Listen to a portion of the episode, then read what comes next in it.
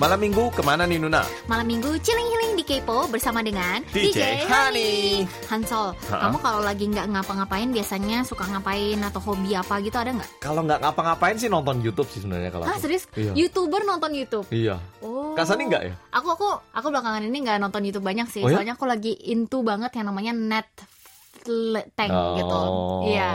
Itu eh, salah satu platform Hmm. seri yang saya cinta banget Oh. dan saya belakangan ini lagi into banget Bener. eh, Sky Castle lagi nggak tahu kenapa. Nonton lagi? nonton lagi karena tiba-tiba lagi pingin yang intens-intens gitu kan Oh. jadi aku lagi suka nonton itu terus habis itu belakangan ini lagi suka banget nonton uh, drama Korea yang uh, namanya uh, apa ya My First Love atau apa gitu. Mm-mm. itu bagus banget. Oh, jadi Kak Sani, maksudnya kita berarti intinya sama lah kita nonton sesuatu kan, yang menikmati konten istilahnya, menikmati kalau misalnya nggak nonton konten kamu ngapain? Hobi ya benar, ini hobi atau waktu nggak ngapa-ngapain? Ini beda kan? Hobi sama waktu nggak ngapa-ngapain. oh i- iya bisa sih. Iya ya, ya udah dua-duanya aja. Oke, kalau hobi sih sekarang sih kayaknya olahraga. Maksudnya dari dulu suka olahraga, cuman kan sekarang jadi youtuber jadi lebih leluasa kan waktunya. Jadi Iya. sekarang ini kalau nganggur pagi pergi nge-gym, terus oh kalau udah nonton YouTube. Cuman dua itu sih sebenarnya. oh Mm.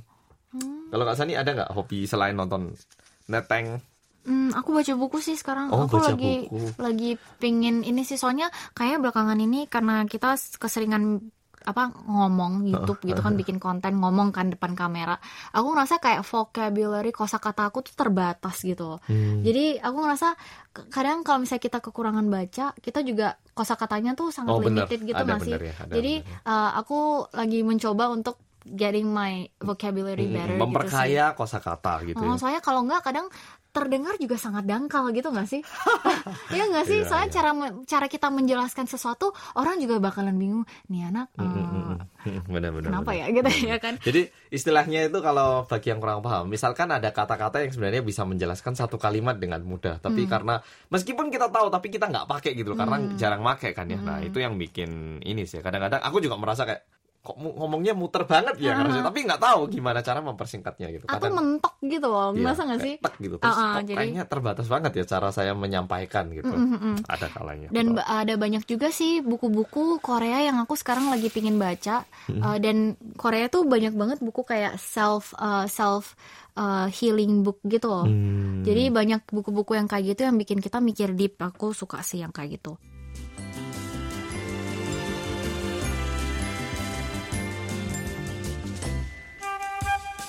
Sekarang mari kita beralih ke segmen Dear DJ Dan masih bulan Juli nih teman-teman. Jadi of course di Summer Special Horror Kita bakalan membacakan banyak uh, uh, apa email-email yang kalian sudah kirim ke kami. Mm-mm. Dan juga kita sempat posting di Facebook, Facebook page, page. dan Instagram KBS World Radio Indonesia Mengenai cerita mistis terseram yang kalian pernah alami Mau dibacain nggak ini? Ini kan expertnya Jadi kita suruh dia bacain dulu ya guys Nggak, nggak mau saya bacain. Oh, ya udah maaf Nggak, ya, nggak, nggak, maaf nggak. Hansel. Um, ya, langsung saya bacakan kali ini dari Kuni Sangadati. Halo DJ Hani, apa kabar? Semoga selalu bahagia dan sehat. Pengalaman seram atau horor yang pernah saya alamin ya DJ. Sebenarnya saya suka banget nonton acara horor dan mistis gitu DJ. Tapi saya pribadi merasa nggak pernah diganggu sama dalam tanda kutip mereka. Semoga jangan pernah ya, karena dengan berdoa saya selalu merasa terlindungi. Tapi saya mau berbagi sedikit cerita horor di keluarga saya. Kebetulan rumah peninggalan kakek saya itu bangunannya jadul karena telah dibangun sebelum kemerdekaan Republik Indonesia. Waduh. Suatu malam, bule saya terbangun karena mendengar cewek ketawa khas kunti gitu. Oh, aku takut Khas kunti itu gimana ya ketawanya? Gitu gak sih? Kalau itu mak lampir nggak sih? Oh, oh, oh, abang Mbak Kunti kayak gimana ya? Kalau mbak kan ya masih mbak-mbak kan. Ah. Jadi gimana ya? Kalau Kak Sani ketawa gimana? Ah, itu dia benar sekali. Nah, sampai beliau membangunkan suaminya yaitu Pak Lek saya. Pak Lek yang tidak mendengarkan apa-apa terpaksa bangun dari tempat tidur dan keluar untuk mengecek kebenaran suara yang membuat membuat bule merengek ketakutan.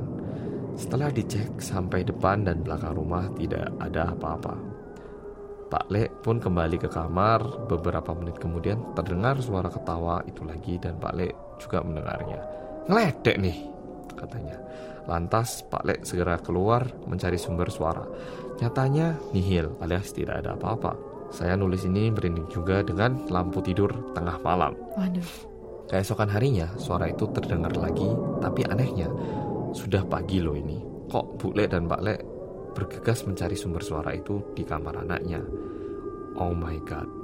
Ternyata jeng jeng jeng itu suara HP DJ. Oh my god. suara alarm HP anak mereka. Ya, semua ketawa deh jadi tapi kesal juga ya karena sudah membuat bule ketakutan dan Pak Le kewalahan mencarinya. Tapi tapi tapi ada satu lagi suara menangis. Pak Le dan beberapa orang sampai mencari suara itu jauh ke kebun samping rumahnya, dekat sungai bebatuan. Diyakini itu suara binatang tapi menangis seperti suara manusia. Masih misteri DJ kalau suara menangis itu apa. Kira-kira binatang liar yang suara tangisnya seperti manusia apa ya DJ selain kucing? Hehe, sekian kisah horor komedi dari saya. Semoga dibacakan. Kamsahamnida. Hmm, ini tuh mengingatkan aku ibaratnya tuh waktu kita sempet heboh banget di KBS World Radio Indonesia ada suara hantu kan, tapi ternyata itu pas kayak nonton videonya di channelnya Hansol, ternyata itu suaranya dia gitu. Jadi kita sempet kayak satu KBS tuh heboh.com banget ya, tapi ternyata itu uh, ya Hansol. Jadi ini feelingnya tuh saya bisa relate juga. Jadi ya, tapi um, justru ini kayak merasa feelingnya tuh kayak ah untungnya itu bukan beneran gitu ya. Kalau misalnya itu beneran kayak suara hantu kan bisa serem banget gak sih? Hmm, Iya ya tapi kalau menurut iya sih ah, benar dan kalau menurutku ya sebenarnya suara-suara hantu gitu itu kadang bisa jadi suara biasa. Hanya saja karena kan- kadang itu gelap terus kayak kita lagi takut itu suaranya itu jadi lebih multiple oh, oh, gitu lebih ya. ngeri lebih seolah-olah kayak suaranya yang cuman pintu suaranya kayak ada orang masuk rumah gitu loh kayak kita Hmm. jadi lebih lebay gitu loh jadi Iya. lebih apa ya berlebihan kadang kalau Iya. menurutku gitu sih tapi lucu juga ya pasti ada gitu loh ya dalam kehidupan itu pengalaman pengalaman horor komedi kayak gini Iya betul sekali. Aduh uh, asik banget ini cerita-ceritanya jadi pengen cepat-cepat move on ke yang selanjutnya hari Nah, ini. yang kedua ini akan dibacakan oleh Kak Sani. Iya betul sekali ini dari Arina Nur Rahmadani. Dear DJ Hani, aku mau cerita terseram yang pernah aku alami sendiri. Jadi aku kerja di apartemen service sebagai staff staff purchasing. Sesuai sama namanya, job desk aku itu belanja-belanja. Segala kebutuhan kantor aku yang belanjain, ini kejadiannya sebelum lama ini. Di kantor saat aku pergi belanja, setiap kali aku pergi belanja itu selalu diantar sama mobil kantor. Biasanya aku naik dari lobi. Hari itu aku juga naik dari lobi. Tujuan tujuanku saat itu mau ke toko sepatu untuk beli sepatu karyawan baru. Jarak dari kantor ke toko itu kurang lebih satu jam. Setelah itu datanglah mobil yang mengantar aku di lobi. Lalu aku naik saat driverku Mr. B, maaf ya takut nggak sopan disebut namanya. Lalu kita jalan di tengah, eh, lalu kita jalan. Di tengah perjalanan Pak B berbicara, Mbak itu temennya mau ikut belanja juga. Aku balik nanya, temen yang mana Pak? Saya sendiri kok. Pak B jawab, lah tadi naik bareng kok. Saya mulai takut. Mana Pak orangnya itu, eh, mana Pak orang saya dari tadi sendirian. Jangan nakutin saya dong Pak. Pak B bilang, walah bukan orang toh. Saya tak kira temannya Mbak Arina. Soalnya dia tadi nyengir ke Mbak Arina. Aku langsung panik. "Eh, Pak jangan bercanda, saya pindah di depan aja deh, Pak. Atau kita balik lagi. Karena aku ku- eh, karena aku kursi belakang. Pak B jawab, masa balik lagi? Ini udah di tol loh. Dia mau ikut belanja kali Mbak. Aku jawab, Pak suruh pulang aja gitu Pak, nggak usah ikut saya. Ini udah nangis ceritanya. Pak B nanya, Mbak kenapa nangis? Udah, udah. "Ah, udah udah ah, udah hilang gitu. Setelah itu kita diam sampai ke tempat tujuan. Itu aku nggak tahu makhluk yang ngikutin aku beneran udah hilang atau masih ada di situ. Mungkin karena Pak B em, lihat aku nangis langsung ngomong gitu. Pulangnya Pak B cerita panjang banget. Yang intinya si makhluk yang ikut aku ikut aku naik itu penunggu di lobi dia suka di pojok jendela ke arah kolam renang. Dan katanya dia suka sama aku makanya dia ngikutin aku. Duh pingin resign kerja nih kalau kayak gini. Tapi katanya kalau dia baik dia nggak ganggu. Udah sampai situ cerita dari Pak B. Karena aku sudah bilang Pak jangan lanjutin saya masih shock katanya. Sekian cerita aku. Semoga diterima sama DJ Hani dan pendengar KBS Indonesia. Matur suwun Wah ini, ini Ini- kalau beneran ini aku ya aku pingsan duluan tau gak sih? Serius aku kayak kalau apa pun ada hantu pasti pingsan duluan sih nggak lari dulu habis itu ba- bangun baru lari gitu. Ah jangan gitu dong apa aku nggak kok lo, aku nggak tahu. ngapa-ngapain. Aku nggak ngapa-ngapain. Aku nggak ngapa-ngapain. Saya cuma melihat melihat belakangnya Kak Sani itu ada kursi gitu loh. Cuma ngeliatin kursi di belakang kok. Saya belum apa-apa kok sudah takut. Ini makanya kadang kalau ada cerita-cerita yang serem-serem aku uh, kalau yang bagian yang serem-serem videonya Hansel saya skip. Kalau Hmm. mukbang saya tonton karena saya takut.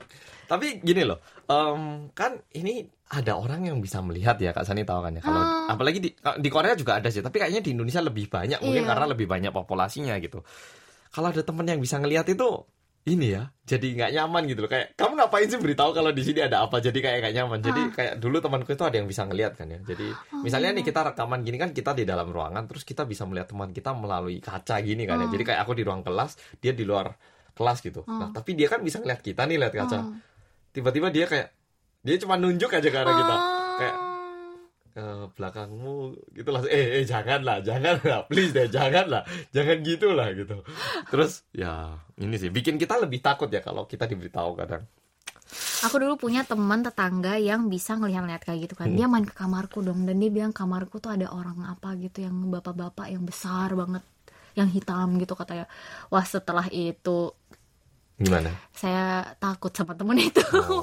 itu saya waktu aku umur 6 tahun sih. Jadi Hmm. kayak ya waktu umur kecil kayak gitu kan pasti masih takut-takutan banget kan. ini kalau kita dengar ceritanya kan kayaknya orang Jawa ya terus soalnya tadi ada bilang tak kira gitu ada bahasanya terus salam terakhirnya juga Matur matur nuwun gitu ya ini tapi kalau temenku yang bisa ngelihat dia itu ada darah Jogja nah terus dia itu Oh. pertamanya nggak bisa ngelihat tapi kayak guru sekolahnya yang juga berdarah Jogja itu bilang kamu ini punya bakat suatu hari dimelekin gitu. Matanya itu dibuka untuk bisa melihat. Jadi dia itu kayak pertamanya kaget banget. Tapi sekarang udah kayaknya udah terbiasa sih. Terus aku tanya emang ada macamnya macam-macam kok ada yang besar kecil? Gitu. Dia bilang banyak. Ada yang besarnya itu sebesar gedung lantai tiga gitu. Apa itu?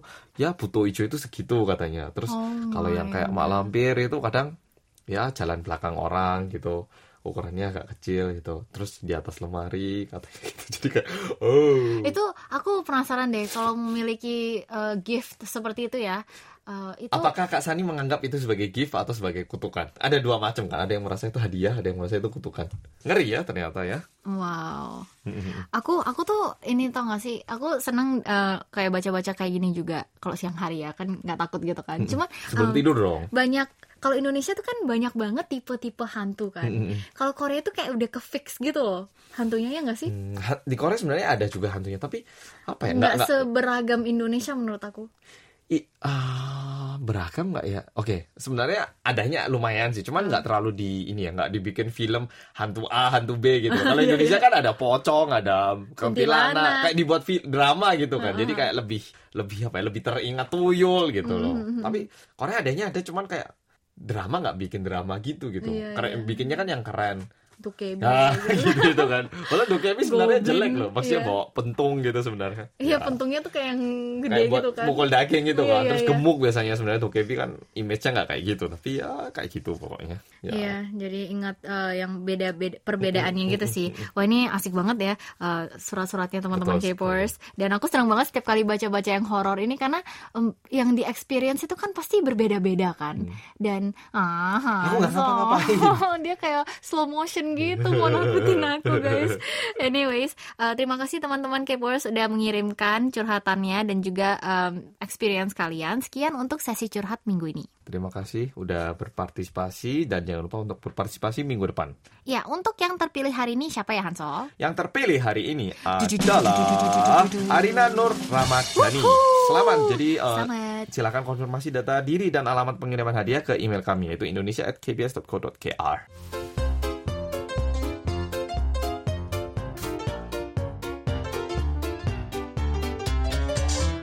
Sekarang mari kita masuk ke segmen teka-teki. jadi harus didengarkan dari awal hingga akhir Benar, harus didengerin setiap minggu ya teman-teman. Jadi nanti pertanyaan untuk teka-teki minggu depan akan kita bacain dalam program Kepo minggu ini.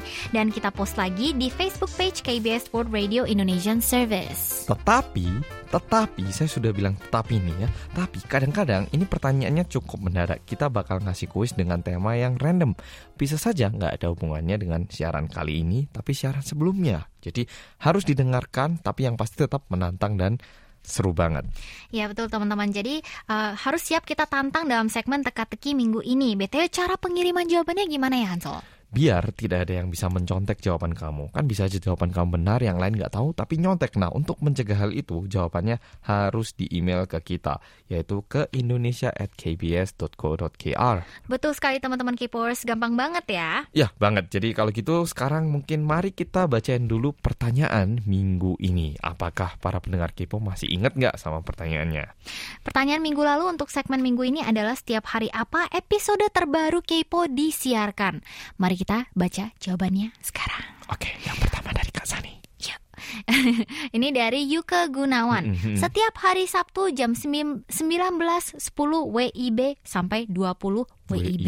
Jadi jam 9, eh, jam 7, 10 sampai jam 8 malam katanya. Mm-mm. Jawaban berikutnya dari Novi Eka SH. Episode terbaru Kipo disiarkan setiap hari Sabtu pukul 19.10 sampai 20.00 WIB katanya. Oh, oke. Hmm. Yang selanjutnya adalah dari Jelly Lutu. 안녕하세요, Jelly입니다. Wow. Oh, 안녕하세요. Saya dari Cirebon. Mau jawab pertanyaan teka-teki. Setiap hari apa episode terbaru Kepo disiarkan? Jawabannya adalah setiap hari Sabtu pukul 19.10 sampai 20 WIB. DJ Sunny and DJ Hansel ucapin birthday dong tanggal 25 Juli aku ultah loh. Hehehe, ngarep banget ya. Wek wek wek. Oke, sekarang mari kita Ucapkan dulu. Ucapkan bentar. aku- Kita karena hari ini agak sedikit lagi hype Mm, mm, banget ya. mm, Jadi kita mm. nyanyi dulu Oh, gitu. nyanyi. Satu, dua, tiga. Se- Seng. Oke, Hah? selamat Oh, atau ya. sengil? Eh, yang mana? kita kan KBS World World Radio, Radio. Indonesia Jadi pakai di bahasa- Korea Jadi gitu pakai kan. bahasa Korea. Betul Oke. sekali. Five, six, seven, eight, and five, six, seven, eight. 생일 축하합니다. 생일 축하합니다. 사랑하는 젤리님. 생일 축하합니다. Yeay, Selamat. Ya, karena kan ini siarannya tanggal 27 Juli nih. Hmm. Jadi udah lewat dua hari tapi Iya. semoga uh, sehat selalu, selalu bisa um, apa ya? Bisa beraktivitas dengan baik tanpa terganggu akan kesehatannya terus bisa juga meraih impiannya di tahun ini. Iya, semoga tambah cantik, sehat Betul. selalu dan yang terbaik deh pokoknya gitu ya, Jelly. Oke, em, selanjutnya Berikutnya dari Kuni Sangadati. Annyeonghaseyo DJ Hani, jawaban teka-teki adalah episode terbaru Keipo selalu disiarkan hari Sabtu atau Malming, eh, bahasa. Jawa sekarang Asik. Malming ya. Pukul 17 eh pukul 19.10 hingga 20 WIB. Hanya di KBS World Radio Bahasa Indonesia. Waduh, channel 24 via app. Waduh, udah jelas banget. Waduh. Dan diulang selama 23 jam setelahnya, setiap sejam sekali. Wow, oke. Hansel, Mm-mm, mari mm-mm. kita jawab nih. Jawaban yang benar adalah Kuni Sangadati. Yeay. Waduh, selamat banget buat Kuni Sangadati. Jangan lupa untuk konfirmasi alamat pengiriman hadiahnya ke email kami ya.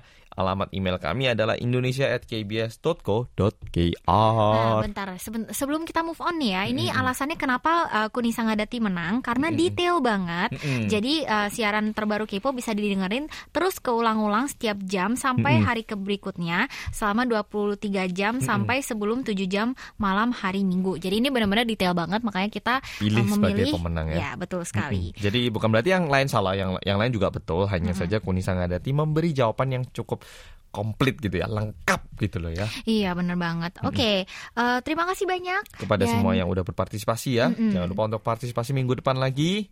Dan sekarang mari kita move on. Sebelum move on, teka-teki untuk Kepo tanggal 3 Agustus. Apa tema untuk topik Dear DJ selama bulan Juli? Selama-lama bulan Juli ini ya. Jadi jangan lupa untuk kirim jawaban kalian ke mana ya, Hansol? Indonesia at kbs.co.kr.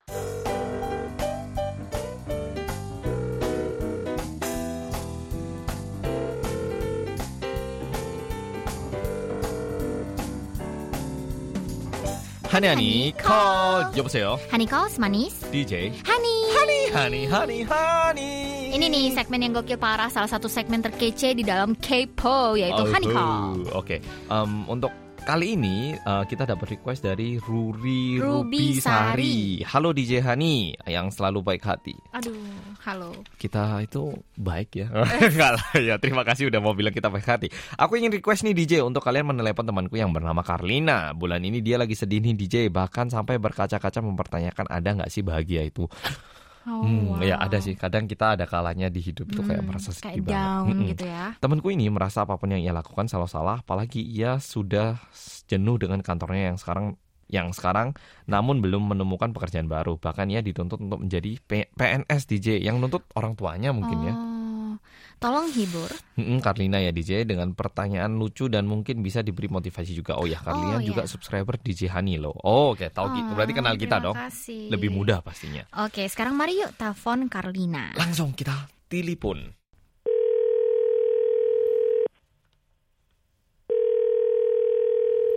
Halo. Hani Hani call. 여보세요. Hani call semanis. DJ Hani. Halo Carlina. Halo, selamat pagi. Halo kakak, ya ampun. Oh, tahu kita kah? Sudah tahu kita ya? Waduh, malu. Tahu dong, siapa sih yang nggak tahu DJ? Aduh. Oh, gitu tuh. Aduh.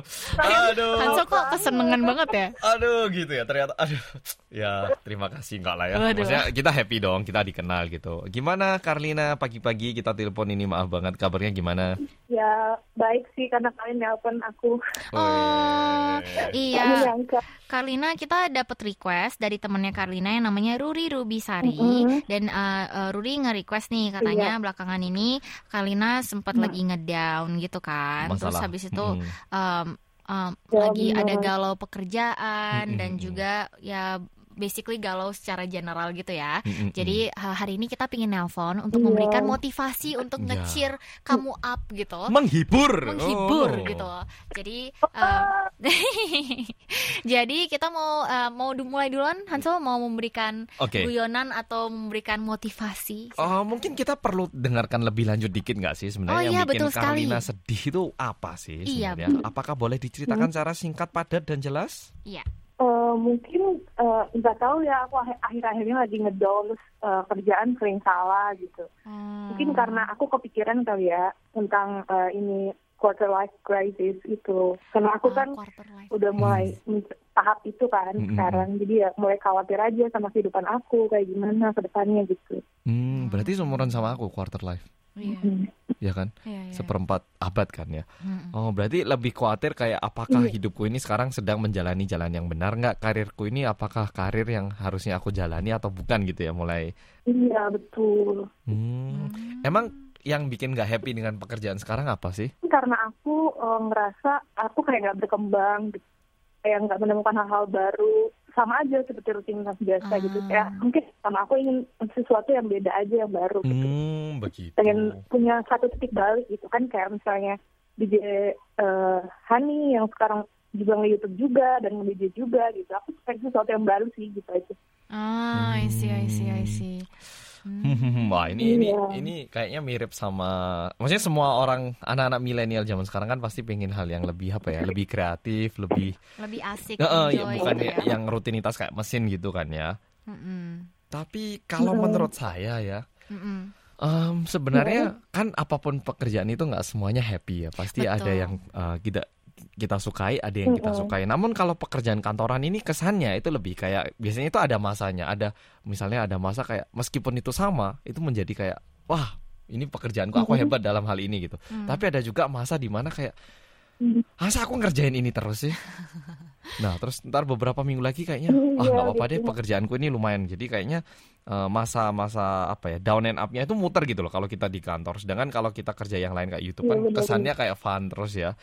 Em, kalau Karlina sendiri sama kerjaannya ini nggak sih? Menurut cocok nggak menurut Karlina sendiri? Kayaknya bagus nggak sih? Hebat nggak dalam pekerjaan Hmm. ini? Berbakat nggak gitu?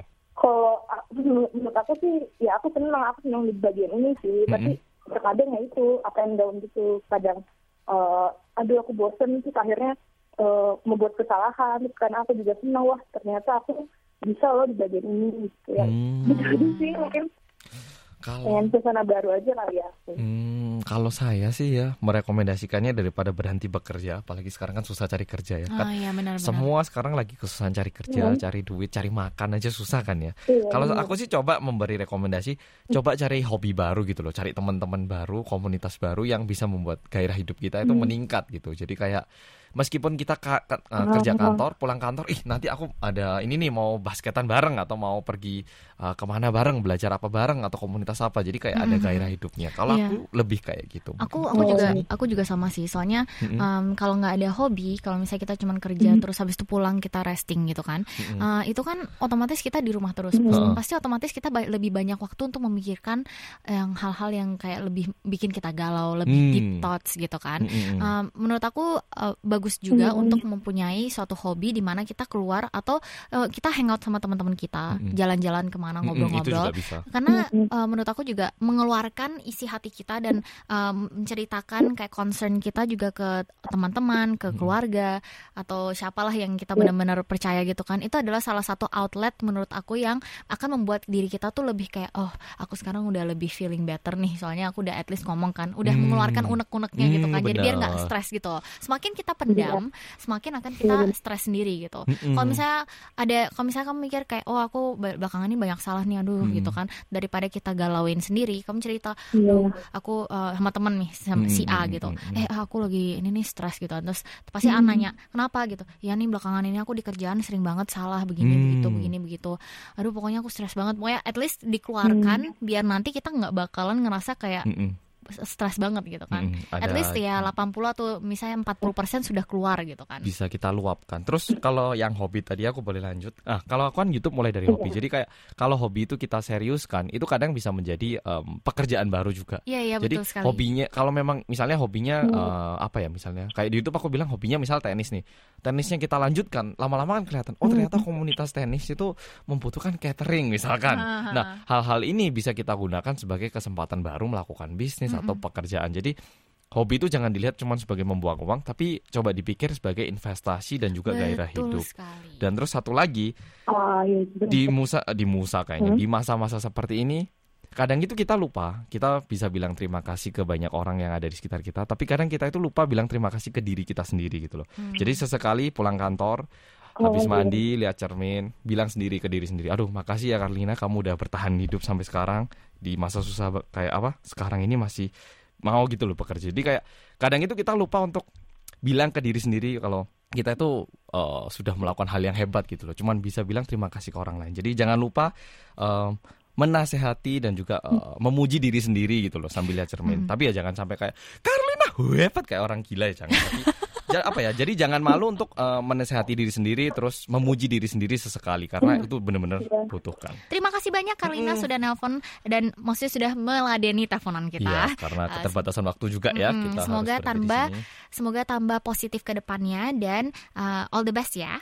All the best. Jangan lupa untuk ini ya kirimkan email untuk konfirmasi pengiriman hadiah kita ya. Terima kasih banyak Karlina. Selamat Bye-bye. pagi. Bye. Hai. Hani Hani call. 여보세요. Hani call semanis DJ DJ, Hani.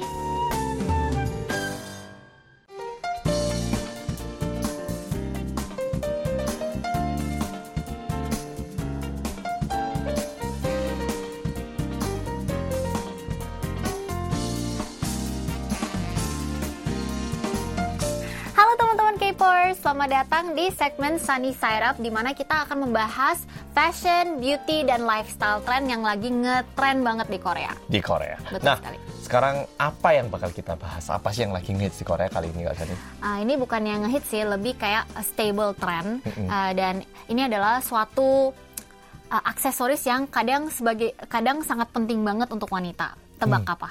Tebak apa, Hansol? Baju? Tidak, Tidak. Hmm, Lebih ke arah mana nih? Mungkin dikasih lebih tips ke dikit. arah mata. Oh, eye makeup. Bukan. Oh, bukan. Oke, aku jawab ya. Ah, ah, Jadi jawab. tren uh, tren yang sudah menjadi kayak suatu stable trend di Korea adalah lensa kontak. Oh, lensa kontak. Mau jawab tapi nggak. Hmm. Eh. tapi bukan lensa kontak yang clear ya, bukan Mm-mm. yang biasa. Oh. Tapi di Korea ini sebenarnya sempat ada tren yang memulai semuanya. Jadi namanya circle lens atau Oh, circle lens. Focal lens. So, circle lens ini awalnya uh, keluar uh, kalau nggak salah 8-7 tahun lalu Hmm. dan keluarnya itu besar guys dan hitam. Aku ingat banget hitam dan besar dan kelihatannya kayak mata kita tuh kayak gede banget kayak alien gitu. Aku ingat banget awalnya dia keluar uh, diameternya tuh 14,5 sampai 15 bener-bener matanya gede banget kelihatannya. Nah dari situ uh, dari situ uh, trennya tuh semakin evolusi gitu. Oh. Jadi awalnya tuh kelihatan besar, biar mata kita kelihatan besar dan uh, lebih Kelihatan kayak polos gitu ya? polos, Heeh. inosen, lebih kayak boneka gitu Heeh, kan. heeh. Tapi sekarang trennya tuh semakin lama semakin ke sini tuh di Korea banyak yang bikin circle lens yang size-nya tuh jauh lebih kelihatan natural. Yang dulunya 15 dari 14,5 mm sampai 15, Hmm. banget. sekarang tuh banyak yang uh, ngeluarin 13,5 Hmm. 13,3 atau 13. Mereka jarang ada yang sampai 14,5 sekarang karena Udah lebih. apa pun yang kelihatannya sangat tidak natural tidak dikeluarkan sama Korea lagi. Hmm, karena itu ter maksudnya jatuhnya kalau di Korea kalau terlalu kelihatan tidak natural tuh jauhnya eh, kelihat jatuhnya itu kayak norak gitu. Oh, jatuh, jadinya kayak bukan menarik perhatian malah kayak loh kok gitu sih gitu ya mungkin ya. Banyak banget yang dulu lensanya tuh kelihatannya tuh yang mirip banget kan sama warna mata kita misalnya hitam atau yang coklat, Hmm, Coklat, yang bener-bener coklat banget gitu kan. Tapi sekarang trennya adalah lebih ke arah kayak mata kita tuh kelihatan natural tapi ada kayak uh, warna coklatnya. Jadi kayak honyol. Hmm. Kayak honyol nih Kim. Kayak honyol tuh kayak Cam- kayak ala-ala blasteran gitu Mm, guys. mm, Matanya mm, kan kayak kelihatannya tuh coklat kayak gitu kan. Heeh. Jadi warna yang lebih vibrant atau warna yang lebih uh, kelihatan gimana ya? Berwarna gitu. Tidak ya. natural tapi kayak berwarna yang Natural tapi berwarna eh, maksudnya. natural tapi berwarna itu lebih ngetren sekarang. Hmm. Tapi sebenarnya warna tidak natural pun ngetren. Misalnya warna biru, Hmm. warna coklat, warna eh, abu-abu, hijau. Sekarang Hmm. tuh lagi ngetren kembali karena banyak banget cewek-cewek di Korea eh, yang sering ngewarnain rambut. Dan juga banyak banget cewek-cewek di Korea yang pingin kadang looknya tuh berbeda makeupnya gitu. Hmm, Jadi hmm, mereka pakai lensa kontak yang berwarna. Cuman yang tradisional seperti yang hitam dan warna coklat seperti dulu yang diameternya gede sudah tidak trending lagi di Korea. Aku pingin membawa um, sedikit informasi ini uh, ke teman-teman semua karena uh, mungkin banyak yang masih mikir di Korea lensa kontaknya tuh trennya tuh masih yang warna yang ini gitu. Padahal tidak, lebih ke arah warna-warna yang lebih uh, memberikan kesan kayak kita tuh anak blasteran gitu. Oh, Gitu. tapi tadi Kak Sani kan sempat bilang len, eh, warna lensa dan warna rambut. Apa Hmm. hubungannya? Jadi gini, seperti warna rambut aku kan, aku kan Sekarang sekarang, sudah Sani lumayan coklat-coklat blonde gitu kan. Jadi kadang kalau coklat blonde dengan mata hitam kadang aneh kelihatannya gitu. Oh. Jadi sekarang kan aku udah pakai lensa kontak nih, silakan di zoom. Mm-mm. Jadi bagi pendengar-pendengar radio, warna Hmm. rambutnya Kak Sani itu sekarang lebih ke coklat muda, ada warna abunya sedikit kayaknya. Nah, Terus- betul sekali. Dan lensa kontak yang aku pakai hari ini tidak kelihatan full warna coklat karena kenapa? Ini akan memberikan eh, nuansa yang lebih keras gitu. Jadi kelihatannya terlalu bule banget Mm, gitu kan. mm, mm. Eh, kelihatannya terlalu blasteran banget Heeh. gitu kan. Tapi kalau yang ini eh, lebih kelihatan mata seperti mata kita masih ada warna darknya sedikit kan warna hitamnya. Tapi di dalamnya itu ada circle yang warna coklat yang membuat dia jauh kelihatan lebih natural gitu. Warna seperti ini yang biasanya sering banget dipakai daily sama teman-teman kaum wanita di sini gitu. Dan wa- mau menyocokkan warna rambut dan juga warna mata itu sangat penting karena dia jauh kelihatan lebih natural gitu sih. Bayangin deh kalau misalnya warnanya rambutnya warnanya coklat gitu kan Eh, kalau misalnya dikasih warna matanya tuh hitam banget kan nggak Mm-mm. Iya Ini kan? kayaknya mirip sama ini. Kalau kadang kita semiran kayak kesani sekarang ya. Semiran kan nggak cuma rambut, alisnya juga. Nah, jadi kalau misalnya semirannya coklat terus alisnya hitam kan kayak kamu semiran ya kayak kayak Iya. kayak kayak iya semirannya bagus tapi kayak ada yang menjanggal gitu loh. Tapi dengan eh, alis juga disemir terus eh, warna eh, mata kita juga berubah menggunakan lensa ini membuat eh, suasana kayak ini kamu semiran tapi kok cocok ya gitu loh. Jadi lebih kayak ini benar-benar warna asli kamu bukan semiran gitu. Meski kita tahu itu sebenarnya semiran kayak gitu, sih. Betul sekali. Dan wah, lensa kontak ini ada banyak tipenya. Ada yang tiga tone, ada yang dua tone, ada yang satu tone. Jadi untuk teman-teman yang suka dengan vibe vibe aksen aksen blasteran yang matanya tuh kayak uh ada kristal ada kristal ininya apa percikan warna yang ada tiga warna kalian bakalan suka yang tiga tone. Kalau kalian lebih suka yang sedikit lebih natural dari tiga tone kalian leb- bakalan suka kombinasi dua warna. Tapi kalau kalian ah, aku nggak suka deh yang kayak gitu gitu mendingan aku Satu warna mata aja deh. aku aja. Tapi agak sedikit membesarkan kalian akan suka one tone lensa kontak gitu sih. Jadi tergantung setiap orang memiliki um, apa, Pilihan. preferensi yang berbeda gitu kan. kalau aku sih jujur Selera lebih suka makeup. two tone sama three tone karena aku makeup juga kadang ada moodnya gitu kan. Mm-mm. Jadi kan berbeda-beda. Cukup sudah untuk Sani Sadap hari ini. Terima kasih banget teman-teman yang sudah mendengarkan dan nonton video ini. Eh, jangan lupa untuk stay tune kepo ke depannya and we'll see you guys next time.